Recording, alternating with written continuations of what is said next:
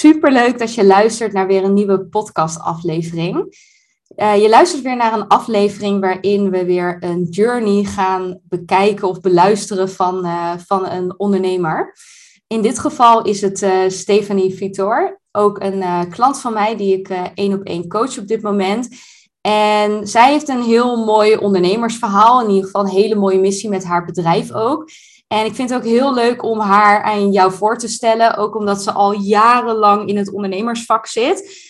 Uh, als ik het goed zeg, al, uh, al rond de tien jaar of langer. Klopt dat? Ja, ja, dat klopt. Dat klopt.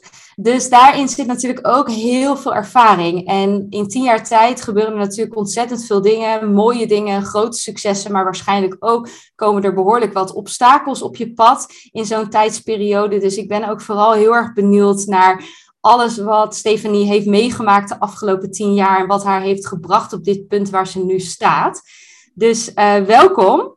Dankjewel. Leuk. Kan jij eens kort vertellen wie je bent, wat je doet en misschien ook al wat meer over hoe lang je al ondernemer bent? Ja, zeker. Ik um, nou, heet Stephanie Vieter. Ik woon in Haarlem met mijn man en twee puberdochters, die op het moment van deze opname 16 en 14 zijn, twee meiden. Um, dus uh, in die zin heb ik al uh, in ieder geval ten aanzien van kinderen tot de leeftijd van 16 ook heel veel persoonlijke ervaring. Want ik ben kindercoach en kindertherapeut in Haarlem. Dus ik werk vooral met kinderen en ouders. Um, en de hulpvragen die in dat verband voorbij komen. Um, zoals je zei, het klopt. Ik ben begonnen in 2012 met mijn praktijk. Die heette toen Kindercoach Haarlem. Die naam heb ik aangehouden, maar uh, vanwege alles wat ik ernaast heb gedaan, en me heb, waarin ik me heb verdiept, draagt die naam eigenlijk niet meer helemaal de, de lading. Maar goed, mijn praktijk heet nog steeds kindercoach Haarlem en ik coach toch wel eigenlijk kinderen en ouders. Dus ik laat het zo. Um, daarvoor had ik een hele andere functie. Ik ben eigenlijk begonnen als advocaat, uh, in eerste instantie voor grote ondernemingen, maar uiteindelijk ben ik naar het familierecht toegegroeid en zo de, de juridische componenten uitgegooid en echt alleen nog maar met, juridische, met, uh, met gezinnen, kinderen en ouders uh, overgebleven. Uh, na de opleiding tot kindercoach heb ik die praktijk dus geopend. Dat is inderdaad in 2012 geweest. En het is uh, interessant eigenlijk wat je zegt. Is het niet tien jaar of is het iets meer dan dat? Ik weet het eigenlijk niet eens. En dat geeft meteen aan dat dat dingen zijn waar ik onvoldoende bij stilsta. Het is eigenlijk heel cool dat mijn praktijk al tien jaar bestaat. En hartstikke goed loopt. En ik het met ontzettend veel plezier doe. En dat mag eigenlijk wel meer gevierd worden. Ja, wat mooi inderdaad. Dat uh, inderdaad die realisatie is van wow, ja, wat een succes eigenlijk dat ik dit al zo lang doen. Maar je komt dus inderdaad, wat je al zei, vanuit een hele andere wereld. En op een bepaald punt, dus in 2012, heb je echt die switch gemaakt naar kindercoaching en je eigen praktijk gestart. Wa ja. Wat is de reden dat jij bent gestart met ondernemen? Ja, ik moet eerlijk zeggen dat het mij in eerste instantie vooral om de inhoud ging. Dus het was het werk wat ik wilde doen. Dus het werken met kinderen en ouders. Eh, toen komend vanuit die echtscheidingspraktijk, waarin ik heel veel meemaakte op dat gebied. Eh, dat ik ben gaan doen wat ik ben gaan doen. En dat ondernemerschap of dat werken voor mijzelf, ja, dat kwam er eigenlijk gewoon bij. Um, maar ik weet niet of het helemaal zo onbewust was hoor. Want inmiddels kan ik wel zeggen, en ik had toen kinderen van, nou wat zal het zijn, is van vier, vijf jaar oud. Um, dat het vanwege de kinderen ontzettend fijn is om uh, je eigen tijd in te kunnen delen. En bijvoorbeeld altijd beschikbaar te kunnen zijn voor je gezin in de vakanties. En die vakanties zijn veel, uh, die weken dat er vakantie is, zijn er veel meer dan je anders vakantiedagen zou hebben. En dat zijn bijvoorbeeld dingen die ik echt nooit meer zou opgeven. Dus de vrijheid in de zin, in de indelen van je tijd is echt wel een grote asset erbij. Maar waar ik ook heel veel plezier aan heb gehad, is het zoeken van een pand, het inrichten van een pand, het zoeken van een logo, een naam. Je doet alles. Uh, voor jezelf en voor de uitstraling die je wil hebben op je klanten. Dus eigenlijk wordt het een, ja, helemaal je eigen feestje. Ja, wat om, mooi. Maar te zeggen, ja. En zo ja. kom je nog, ik, ik noemde net een logo, weet ik veel dingen, maar zo kom je eigenlijk iedere dag voor keuzes te staan, ja, waar jij eigenlijk als enige over gaat. Ja, wat mooi. En ook wel tof wat je zegt, dat je eigenlijk heel erg begonnen bent uit een, ja, gewoon een passie of een drive of een, een missie. Gewoon het gevoel van, hey, dit is wat ik te doen heb. En dit pad ga ik op. En het ondernemerschap kwam er eigenlijk bijna een soort van bij als ja, als ik dat helemaal op mijn eigen manier wil doen, ja, dan, dan moet ik het als ondernemer gaan doen. En um, ik ben wel heel erg benieuwd, want uh, hoe, is, hoe is het kindercoachen op jouw pad gekomen? Waarom, waar, waarom vind je dit zo belangrijk om te doen? Ja, dat is tweeledig. Ehm, eh, op het moment dat mijn eigen kinderen geboren werden, woonde ik zelf in uh, Londen woonden wij in Londen. En zowel ik als mijn man werkten daar als advocaat. En we werkten echt allebei uh, heel veel uren. Iets wat niet te combineren was met een gezin met twee kleine kindjes. En toen ben ik uh, gaan nadenken uh, wat ik dan wel wilde. En zodoende heb ik met moeders in vrouwengevangenissen gewerkt. Ik heb met kinderen in jeugdgevangenissen gewerkt. En ik heb met kinderen ja, in de community gewerkt. Eigenlijk meer een beetje houtgerelateerde werkzaamheden als je het met Nederland wil vergelijken. En toen het moment daar was om terug te keren naar Nederland, dacht ik, ja, dit wil ik niet meer loslaten. Maar ik vond toen nog wel, was een van mijn overtuigingen, ja, je hebt rechten gestudeerd, dus dat moet je er wel in meenemen. En zodoende kwam ik dus in het familierecht terecht.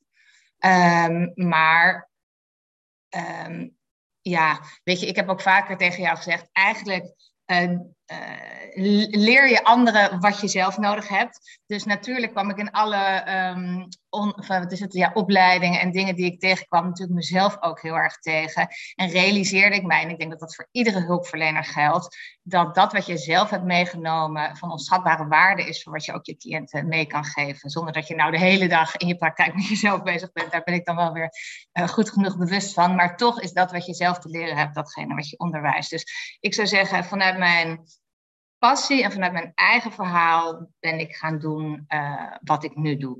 Ja, precies. En kan je nog iets meer vertellen voor degenen die jou nog niet volgen of niet kennen, wat datgene precies is wat je doet, zeg maar? Want jij je richt je wel heel specifiek op, uh, ja, op, op een, een probleem, zeg maar, bij, uh, ja. bij, bij kinderen en ouders. Misschien kan je daar iets meer over vertellen, want het is wel echt super mooi. Ja, zeker. Nou, omdat ik destijds vanuit de echtscheidingspraktijk kwam, werkte ik in het begin heel veel met uh, gezinnen en ouders in echtscheiding. Dat doe ik eigenlijk niet meer. En op een gegeven moment, um, uh, in alle bescheidenheid, was het zo druk in mijn praktijk dat ik dacht. Ik, ik moet hier iets mee, ik moet het anders gaan inrichten. En toen ben ik ook met jou in aanraking gekomen, want toen wilde ik een online programma gaan starten. Nou, dan moet je vervolgens gaan denken, zeg maar om die, die wachtlijst te ontlasten. Ik dacht, ik wil iets, iets, ik wil iets maken waarmee ouders direct aan de slag kunnen zonder dat ze hoeven, maanden hoeven te wachten tot ze terechtkwamen. En dacht ik, ja, wat is eigenlijk de meest voorkomende vraag in mijn praktijk? Dus waar kan ik de meeste ouders die aan het wachten zijn, en kinderen dus, mee helpen? En dat is toch wel de vraag van, um, hoe komt het dat mijn kind de lat zo hoog legt? Hoe komt het dat mijn kind um, uh, nieuwe uitdagingen vermijdt of juist heel hard gaat werken om ze tot een succes te maken. En hoe kan ik mijn kind helpen om weer met meer rust en meer plezier en meer nieuwsgierigheid nieuwe uitdagingen aan te gaan? Nou, ik zei net al, um, je krijgt eigenlijk altijd de cliënten uh, voor de dingen die jou het meest betreffen. Dus uh, ik weet ook zelf heel veel van dat onderwerp. Ik, heb, ik leg voor mezelf ook regelmatig de latten hoog, al kan ik daar gelukkig nu een stuk beter mee omgaan.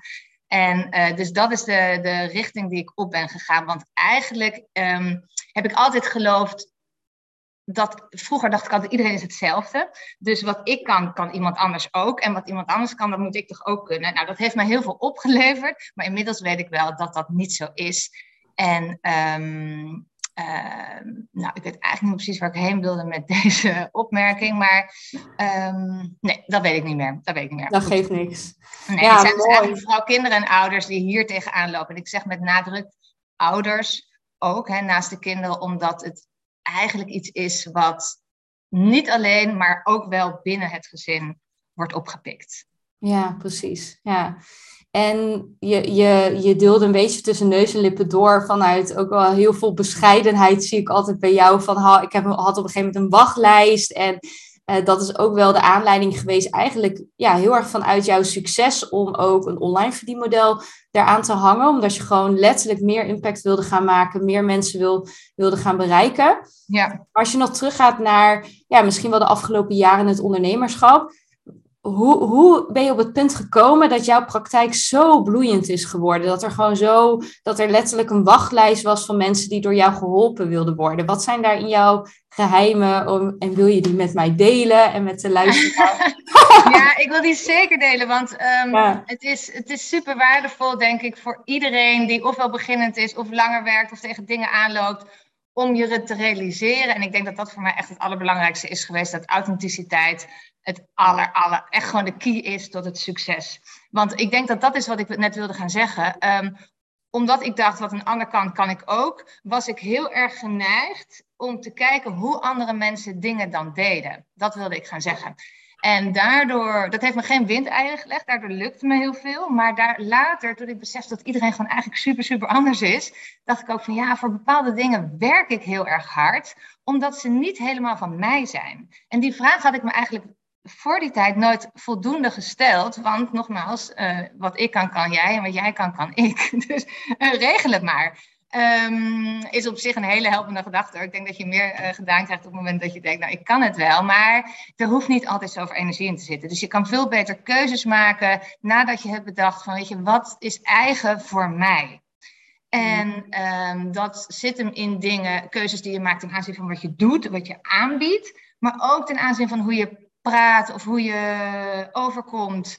En ja, ik kom niet over zoals mijn buurvrouw, bij wijze van spreken. En mijn buurvrouw hoeft ook niet over te komen zoals ik, of die impact te maken die ik maak. Dat je, iedereen moet het vooral doen uh, op de manier die bij hem of haar past. En dat zeg ik nu wel heel stoer hoor, maar dat heeft mij uh, echt wel lang gekost. En dat heeft natuurlijk ook best wel wat moed nodig om dus steeds meer, als in ieder geval van mij, laat ik het zo zeggen, maar om steeds meer los te laten het idee van, oh, dit wordt er van mij verwacht, de manier waarop ik het doe. En in plaats daarvan het op te vullen met de manier waarop, ja, ik doe het gewoon zoals het goed voelt voor mij. En dat is natuurlijk soms best spannend. Maar om antwoord te geven op je vraag, dat werkt dus wel. Ja, wat mooi. Ja, ik kan me daar ook echt heel erg bij aansluiten. Wat voor mij bijvoorbeeld ook wel heel groot inzicht was over authenticiteit. Want vaak wordt het een beetje gezien als iets passiefs of zo, van oud authentiek zijn, weet je wel. Terwijl ik realiseerde me ook wel steeds meer dat het ook wel een actieve keuze is die je gewoon iedere dag te maken hebt. En dat het soms best wel kan gebeuren dat je, wat heel menselijk is, dat je afgeleid wordt, meegetrokken wordt uh, en heel even van je pad afraakt. En dat je eigenlijk iedere dag weer opnieuw kan kiezen van hé, hey, wat, wat, ja, wat klopt bij mijn essentie? Wat klopt bij mijn authentieke zelf? En ja.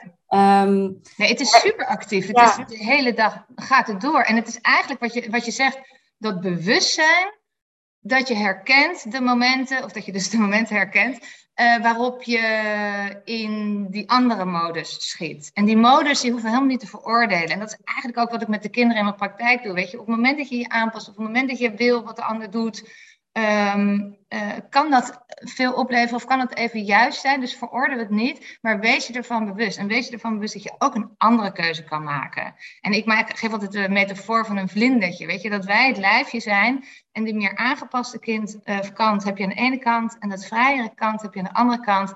En wees je bewust dat die vlinder allebei de vleugels nodig heeft. En niet één hele grote en één Nemo-achtig vleugeltje wat er een beetje achteraan hangt. Ja. Oh, mooi, mooi ja, mooi. Dus de, jouw succes, zou je zeggen, van als je echt gewoon naar de kern kijkt, zit dat hem echt heel erg in dicht bij jezelf blijven. En dat iedere keer waarschijnlijk ook jezelf weer die vraag stellen van, hé, hey, waar kan ik nog meer, ja, nog meer mezelf zijn, nog authentieker zijn in alles wat ik doe binnen mijn bedrijf? Ja, maar het gaat natuurlijk niet alleen om mij. Het gaat natuurlijk ook om afstemming uh, op de cliënt. Dus ik kan wel heel erg lekker mezelf zijn, maar als het niet aansluit, ja, dan blijf ik toch een beetje alleen achter. Um, uh, dus de afstemming en die verbinding met wat de ander nodig heeft, is natuurlijk in mijn vak minstens zo belangrijk. En, uh, en dan, ja, wat ik meebreng qua authenticiteit, is eigenlijk vaak wel, nou ja, waar we het de afgelopen dagen over hadden. Weet je, ik ben vrij direct. Maar ja, ik leer eigenlijk ook vooral de ouders, maar ook de kinderen, uh, te kijken naar de behoeften, te kijken naar wat zit er achter gedrag van een kind. Dus um, ja, ik zou zeggen, empathisch en direct is mijn ja. uh, code. Ja. ja. precies. Is ja superkracht, een soort van. Wat mooi.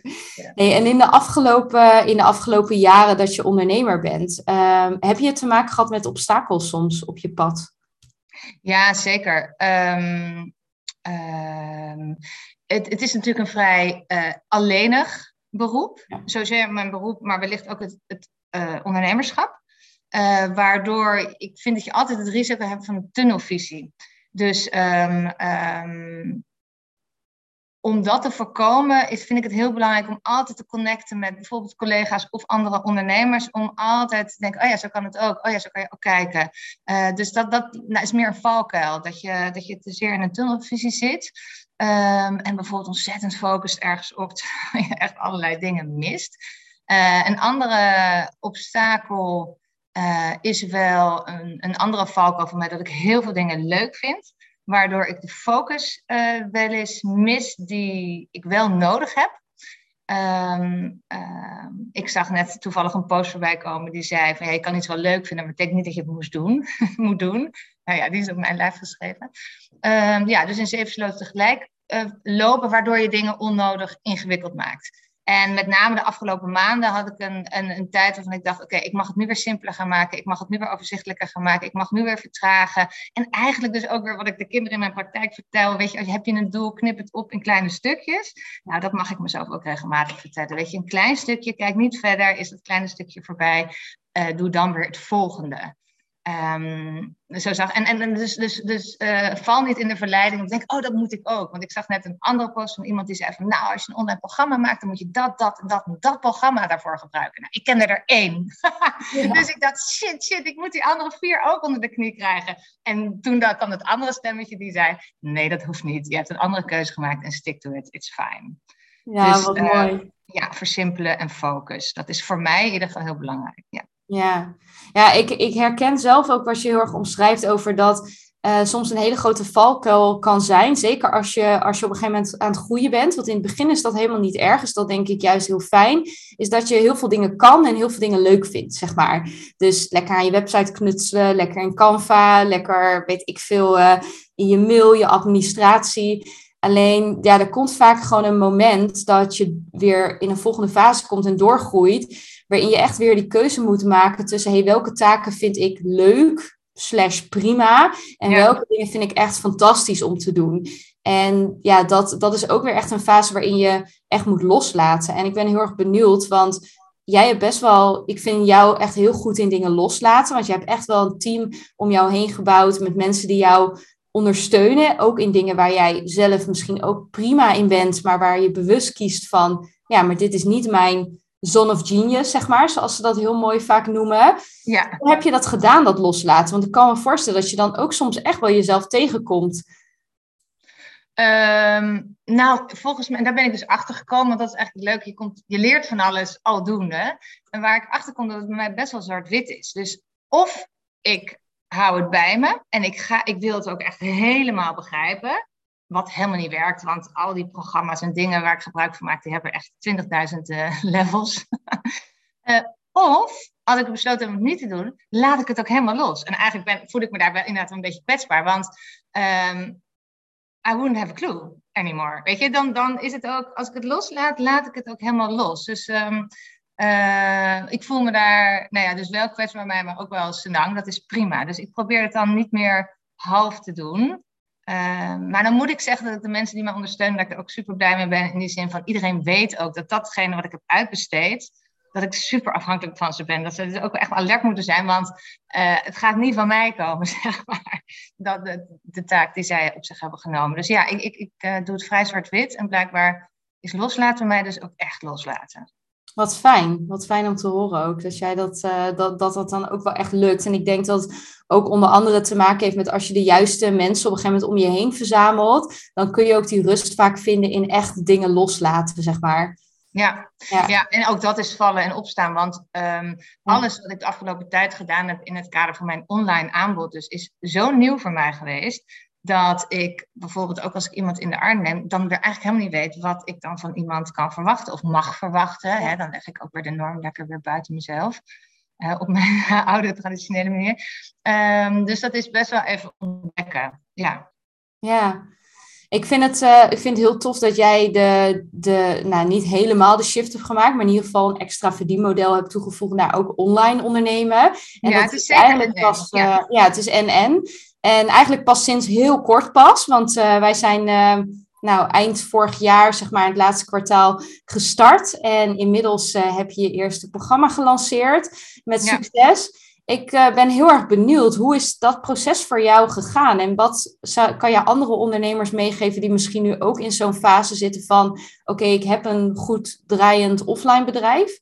Um, maar misschien ook wel al heel lang het verlangen hebben, hey, ik wil iets online gaan doen. Ja. Wat, uh, hoe was jouw pad daarin? Ja, oh, een grote vraag. Er gaan meteen allemaal dingen door me heen. Uh, ik heb het echt als een hele, gaan we weer zeggen, kleurrijke reis beleefd.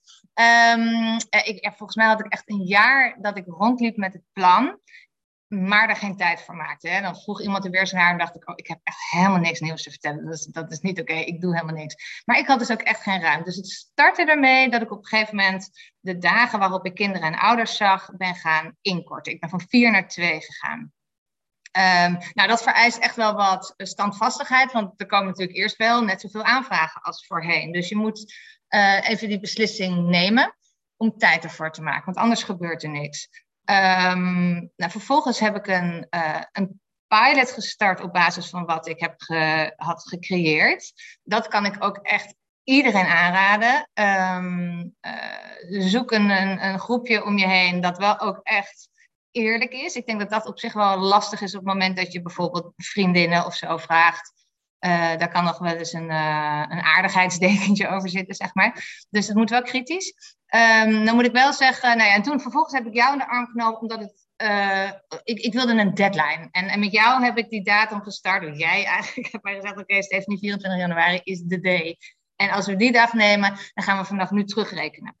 En uh, dat is wat wij dus samen gedaan hebben. Ik moet zeggen, Sharon, ik had dat dus zonder jou echt, dan had ik nu nog steeds in weet ik wat voor pilotfase gezeten. Echt niet anders gekund. Dus je hebt mij daar onwijs bij geholpen.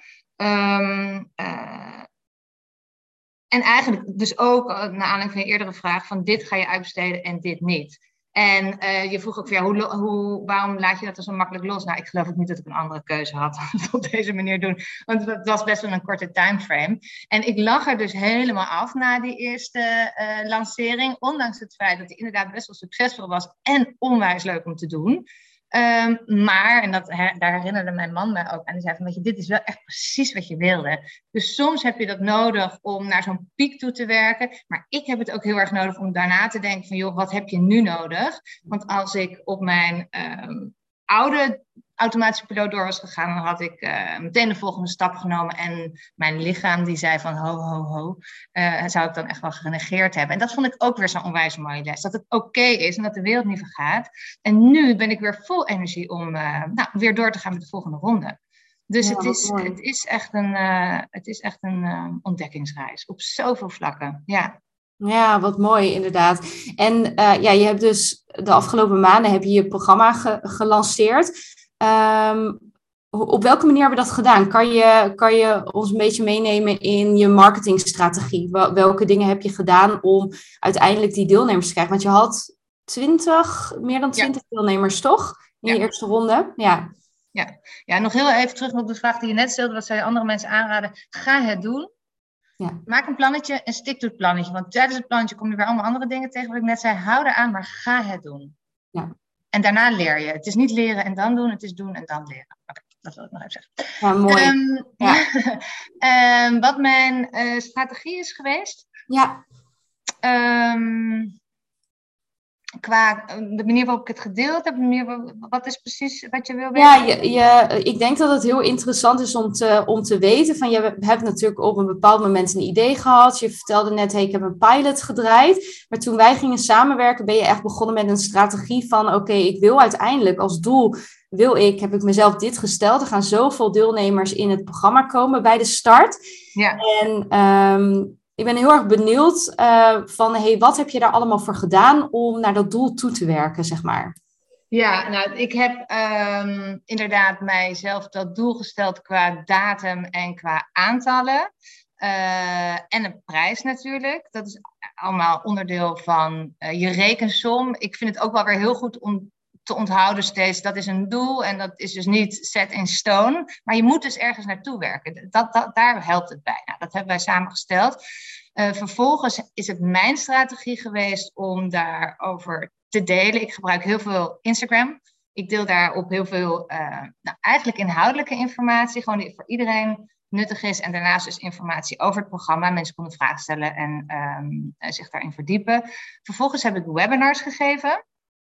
Uh, ja, dat, en daarin, die zijn gratis en daarin deel ik ook ontzettend veel informatie over het onderwerp van perfectionisme, um, zoals ik het noem. Ik vind het een beetje en uh, veel gebruikte termen. Anders moet ik allemaal volzinnen gaan gebruiken om duidelijk te maken wat ik wil. Maar ik help ouders en kinderen die last hebben van perfectionisme.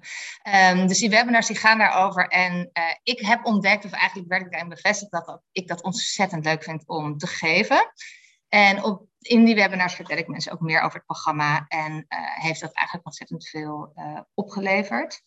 Um, dus ja, dat is eigenlijk mijn strategie geweest. Is dat is een antwoord op je vraag? Ja, zeker. Ik denk inderdaad uh, tof om te horen dat je inderdaad meerdere dingen hebt ingezet. Ik heb, ben natuurlijk zelf ook echt bij betrokken geweest. En voor jou waren ook, wat ik heel leuk vond om te zien, in een korte tijd heb je echt veel nieuwe dingen eigenlijk omarmd. Want je had nog nooit een webinar gegeven. Eigenlijk op Instagram, nou zeker niet op het niveau waar je nu Instagram op inzet. daar was je ook nog niet op actief. Nee. Um, dus ja, dat heb ik ook gezien, inderdaad, van, van uh, dichtbij, hoe dat succesvol is geweest. Um, misschien nog heel even over de webinars. Had je, had je altijd als iets van, hé, hey, dat is iets voor mij? Of had je ook wel een klein beetje weerstand tegen webinars? Nee, het eerste. Ja. Uh, ik vond eigenlijk dat een van de, de dingen die ik miste, of eigenlijk die ik jammer vind van het werken alleen maar één op één, is dat je een audience van één persoon hebt. Nou, um, ja.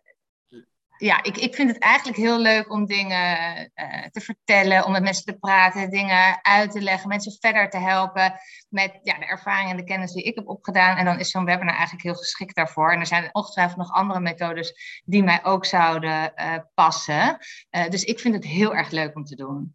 Ja. Oh, wat fijn. Ja. ja, en natuurlijk zit er een weerstanddag. Uh, bij webinar 4 uh, deed mijn internet het niet. En toen was ik zo laconiek dat ik daar denk ik één voor tien eens uh, naar ging kijken. En toen deed het het niet. Ja, dat is natuurlijk super relaxed. Dus het, is, het brengt altijd spanning met zich mee. Maar dat heb je ook wel nodig. Hè, gezonde spanning. Dus het is echt niet dat ik het zomaar uit mijn mouw schud. Maar het plezier dat ik eraan beleef is vele malen groter. Ja. En dat oh. komt ook de interactie ten goede. Ik vind het echt leuk om te doen. Ja. Ja, wat fijn om te horen inderdaad. Ja, ik, ik zie dat altijd heel wisselend. Ik heb uh, veel klanten die heel erg opzien tegen webinars geven en sommige waarvoor het heel natuurlijk is. En jij bent wel echt iemand waarvoor het heel, ja, gewoon heel natuurlijk is. Inderdaad, van praten voor een grote groep, echt een audience hebben om je boodschap uh, te delen.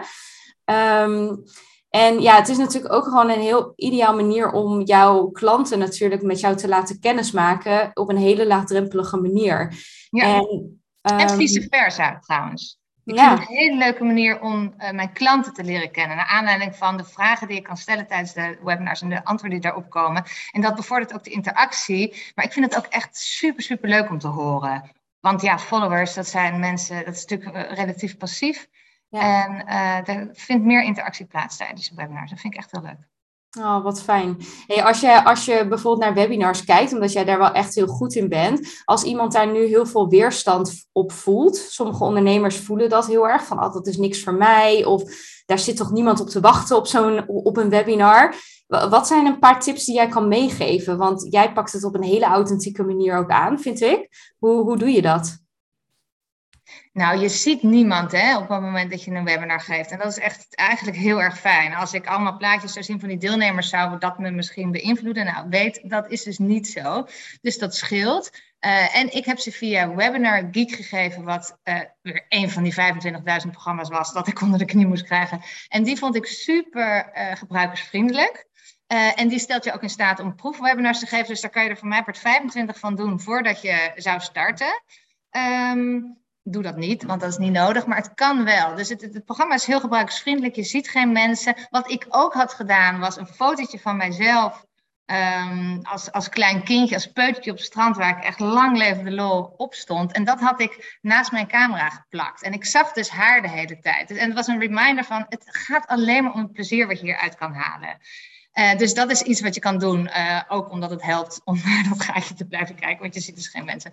Dus dat is een klein trucje wat ik iedereen kan aanraden. Weet je, het gaat om het plezier, het gaat om de ervaring. En in die end, ik weet niet, bij het eerste webinar zaten er, hm, ik weet het niet meer, nou, misschien 60 of 80 mensen, wat op zich best veel is natuurlijk, maar aan de andere kant ook weer verwaarloosbaar op deze hele aardkloot. Dus maak het niet te serieus, heb er lol aan en gaat het niet goed, ja, dan weet je wat je volgende keer weer anders wil doen. Weet je, het is niet dat je, uh, weet ik veel, doseert op uh, Harvard of zo.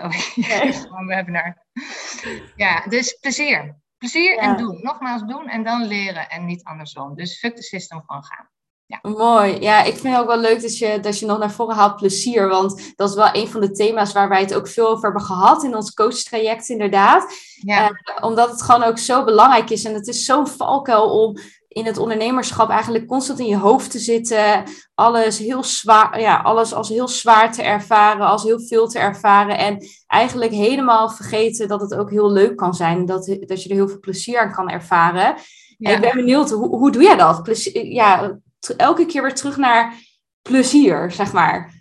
Nou, het sluit ook aan bij jouw eerdere vraag van wat zou je andere mensen aanraden om, uh, weet je, als ze ook deze reis willen gaan maken. Uh, zet dat bovenaan, uh, omdat het je in de do-modus zet. En als je inderdaad blijft voorbereiden, blijft denken, oh maar eerst dat, eerst dat, dan gebeurt er echt helemaal niks. En weet je, als het helemaal misloopt, dan gebeurt er ook uiteindelijk niks, hè, als je besluit ermee te stoppen. Maar dan heb je het wel geprobeerd. Dus um, ja, zo'n deadline werkt op zich wel heel erg, weet je, dat je ook niet de tijd hebt om eindeloos dingen voor te bereiden. Nogmaals, ik heb echt het idee dat ik van twintig bergen een topje van de ijsberg heb geleerd. Maar ja, weet je, ik ben er zo overheen gescheerd met succes. Dus uh, ga niet iedere berg in de diepte, maar ga gewoon. En uh, wat ik zelf vaker zou kunnen doen dan ik tot nu toe doe, dus stilstaan bij die uh, successen in plaats van dat je weer doorkijkt. Want er is zoveel achter de horizon om vervolgens te gaan doen, dat, je, dat ik, laat ik het zeggen, onvoldoende soms stilsta bij de dingen die superleuk waren of supergoed gaan. En ook daar is het relevant om veel te praten met collega's. Want ja, ik had twintig deelnemers. Nou, ik heb geen idee of ik daar wel of niet blij mee moet zijn. Dus het is uh, supergoed om tegenvallende of succesvolle, uh, succesvolle probeersels te delen. Zodat je ook een beetje een benchmark hebt van, joh, je mag hier echt best heel tevreden mee zijn. En eigenlijk, al had ik één deelnemer, was het natuurlijk al nuttig, hè? Dus maak het klein. Maak het klein en geniet van al die kleine stapjes. Nou, again, dit is ook weer iets wat ik tegen alle kinderen in de praktijk zeg. Maar het is ook echt zo. En eigenlijk is dat tof. Als je het zelf ook doet, kan je het weer veel authentieker overbrengen, die boodschap, dan wanneer je dat uit een boekje haalt. Dus uh, practice what you preach. Ja. Ja, tof. Hey, en als je kijkt nu naar, uh, je hebt net een mooie lancering gehad. Wat zijn je volgende doelstellingen? Wat, waar, waar, waar ben je nu uh, op dit moment mee bezig in je bedrijf? Ja, um, nou, ik hou nog steeds wel erg van dingen goed doen. Hè? Dus ik zou uh, kunnen kiezen voor het volgende en denken, ah, dat is prima. Maar dat is niet helemaal in mijn aard. En ik vind het eigenlijk best wel een, een leuke baby. Uh, terwijl die uh, in best wel korte tijd tot stand is gekomen. En nu het eenmaal staat, zie ik het een beetje als een kerstboom. Van ik denk, hé hey joh, welke ballen wil ik daar eigenlijk nog meer in hangen? Of vind ik het leuk om de kleur een keer te veranderen? Dus ik kijk er heel erg naar uit om eigenlijk de, de kwaliteit van het product wat ik nu heb neergezet, online dan, hè, want we hebben het niet over mijn en coaching, uh, te, ver, te verbeteren en uit te breiden. Ja, op allerlei dingen, um, vlakken, andere dingen eraan toe te voegen. Um, ja, dus ik ga liever nu de diepte in en dus het eigenlijk steeds verbeteren. En natuurlijk bij zoveel mogelijk mensen uh, onder de aandacht brengen dan dat ik weer in het volgende stap. En wellicht dat ik dat ooit wel doe, maar daar wil ik juist nu niet over nadenken, want dan word ik weer overwhelmed. Ja. Um, ja, dus dat is, dat is mijn doel. En ik, uh, daar ga ik deze maand, um, ja, ga ik het weer onder de aandacht brengen en gaat het gewoon weer door. En dan heb ik, uh, begin ik ook weer met webinars. En uh, ja, ik kan alleen maar zeggen dat ik daar heel veel zin in heb. Ja, snap ik. Ja, en ik, ik denk dat dit ook wel weer heel veel raakvlak heeft natuurlijk ook met perfectionisme. Want wat ik namelijk eigenlijk wel heel vaak zie gebeuren is juist dat veel ondernemers heel erg juist vast blijven zitten in die beginfase van oké, eigenlijk niet starten omdat het, het moet in één keer goed, zeg maar. En het moet, alles moet een definitieve keuze zijn en perfect zijn. Ja. Uh, waardoor uiteindelijk helemaal niks, niks komt, zeg maar. En deze benadering vind ik zelf super inspirerend van, hey, je hebt iets neergezet en het is gewoon, het is een, zoals jij het zei, een leuke baby, maar het is gewoon echt een goed programma. Maar vanuit hier zie jij heus nog wel van, hey, uh, dit kan misschien nog beter of daarmee kan ik het nog uitbreiden. En um, ja, ik denk precies wat je ook weer zei, doen en leren tegelijkertijd, zeg maar. Daar zit denk ik heel erg de kracht in, bij jou in ieder geval. En dat, zie ik, uh, dat zie ik echt terug. Ja, ja, maar inderdaad, weet je, ik sta helemaal achter wat er nu is. Helemaal, want anders, weet je, zou ik het, zou ik het niet fijn voelen voor mij om het op de markt gebracht te hebben. Maar het is, nu ga ik het boetseren. Ja, dat vind ik echt leuk. Ja, ja precies. Nu ga je het boetseren, inderdaad. Ja, wat mooi. Ehm, ja, ik had nog een, een, nog een vraag voor jou. Die stel ik eigenlijk ook aan iedere ondernemer in dit interview. Dat is, wat betekent nou echt authentiek succes voor jou? Wat, wat, wat is succes? Waar meet jij je succes aan? Ehm, ik denk dat dat te maken heeft met de manier waarop ik terug kan kijken uh, hoe het werk zeg maar, voor mij gevoeld heeft. Dus um, als het voor mij uh, een flow oplevert, als het mij plezier oplevert, als ik zie dat het plezier bij de afnemer oplevert, als ik zie dat het dus een soort, ja, uh, dat ik dingen in beweging kan brengen, dat andere mensen in beweging komen. In dit geval bijvoorbeeld ouders voor hun kinderen. Daar word ik echt super, super blij van. Of kinderen individueel. En dat dat met mijn energie, die goed voelt voor mij, gebeurd is. Ah, dit klinkt echt super, super vaag.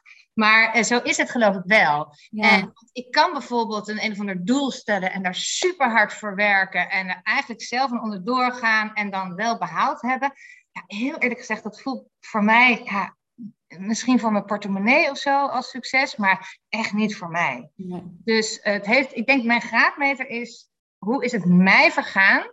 En als het mij goed is vergaan, weet ik zeker dat het voor de, ja, de afnemers, zeg maar, ook veel beter vergaan zou zijn. Dat ik veel meer mensen ook bereikt zou hebben en op een fijnere manier en dat ik meer impact gehad zou hebben.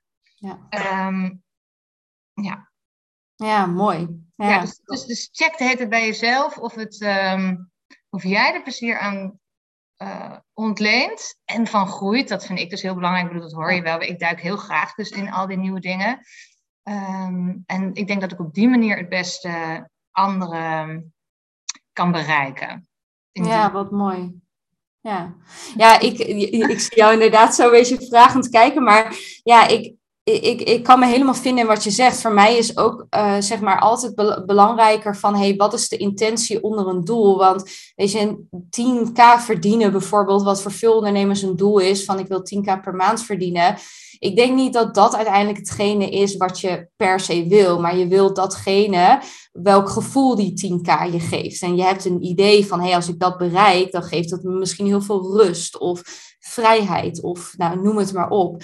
Alleen um, dat gevoel, dat wil je bij je houden terwijl je aan die doelen werkt. En daar wil je eigenlijk aan meten van, hey, leef ik mijn leven trouw aan mezelf? Want dat is waar het in die end voor doet. En die 10k is een supermooi resultaat daarvan, zeg maar. Ja, en op zich is het wel goed dat je dat nog even aanhoudt hoor. Want nogmaals, uh, waar ik nu sta, daar was ik niet gekomen als we niet die 24 januari in de agenda hadden gezet. Dus het hebben van bepaalde concrete meetbare doelen zijn wel degelijk nodig om in beweging te komen. Althans, in ieder geval voor mij. Ja, dus dat is wel een mooie aanvulling dat dat een, een mooi doel is. Bijvoorbeeld zo'n zo'n omzetdoel. Um, uh, maar het, ik zie het meer als een accelerator voor iets anders. Ja. En niet als het, het, het, droge doel. Nee, ja, heel mooi. Mooi wat je omschrijft. Ja. Um, we gaan hem bijna afsluiten, maar ik ben benieuwd of je nog iets van een tip hebt voor ondernemers die hier naar luisteren. Um, op basis van jouw ervaring, wat zou je ze nog willen meegeven over hoe ze bijvoorbeeld hun bedrijf winstgevender kunnen maken of kunnen laten groeien? Uh, ja, door je eigen urges in goed Nederlands uh, te onderzoeken. Want bijvoorbeeld uh, heb ik ook al mensen gehad die zeiden van... hé, maar als je met kinderen werkt, hoe kan je dan een online product maken? Want dat is toch allemaal maatwerk? Nou, het kan zeker maatwerk zijn, maar het is niet allemaal maatwerk. Uh, dus als jij zelf denkt van, nou, dit is een leuke route om te ontdekken. En misschien kom je er uiteindelijk achter van, oh nee, dit werkt toch niet zo goed als je met kinderen werkt. Fijn. Maar dan heb je in ieder geval wel die, die neiging gevolgd. Dus, en dat heeft dus ook weer te maken met die authenticiteit en goed luisteren naar jezelf. Er zijn echt zoveel meningen. En onderzoek gewoon uh, waar jouw behoefte naar uitgaat in het ondernemerschap of in de dingen die je neer wil zitten, zetten of de impact die je wil maken. En ja, er zullen vast wat verkeerde wegen tussen zitten. En dat vind ik, dat zeg ik ook wel weer heel stoer, zou ik ook helemaal niet leuk vinden als ik denk, oké, dit was niet het goede pad. Nee. Maar, het, het, nee. maar um, uh, dat zal uiteindelijk ga je dus op die manier ontdekken wat de goede mix is voor jou. Dus, dus ja, luister daarin naar jezelf. En leg vooral de, je oor te luisteren bij anderen. En nogmaals, want het kan wel uh, in, ja, inspiratie opleveren. Maar blijf trouw aan wat je, ja, je eigen ingevingen. Mooi. En redeneer het vervolgens niet dood, want je weet niet waar het heen gaat. Daar zal je dan achter komen. Ja, precies. Durf jezelf ook echt te laten verrassen gewoon op, op het pad wat je gaat bewandelen. Ja, dus zie het als een spel. Ja. ja. zie het echt als een spel. En uh, ja, blijf je verwonderen, blijf nieuwsgierig over de uitkomst. ik denk dat dat ook een hele mooie is om, uh, om mee af te sluiten. Om ook dat plezier altijd wel te kunnen vinden, zeg maar. Ja, ja, eh, ja precies. Tijdens, het, tijdens de ontdekkingsreis. En niet alleen bij het behalen van het doel. Ja, wat mooi. Nou, dankjewel voor het delen van ja, je waardevolle lessen, inzichten, verhalen. En, ja, heel, um, leuk. Heel kort, hoe kunnen mensen jou vinden? Via welke kanalen? Nou, mijn website heet kindercoachhaarlem.nl. Dus dat is vrij makkelijk te onthouden, minder makkelijk te spellen. Twee H's na elkaar. Uh, mijn naam is dus Stefanie Vietor, V-I-E-T-O-R. Ook al niet zo heel makkelijk. Um, en op die manier ben ik ook op Instagram te vinden. Dus Stephanie Vieter underscore kindercoach. Dat is hem. Dankjewel. Ja, Dankjewel heel erg leuk. Superleuk uh, om uh, mensen daar te ontmoeten. Welkom.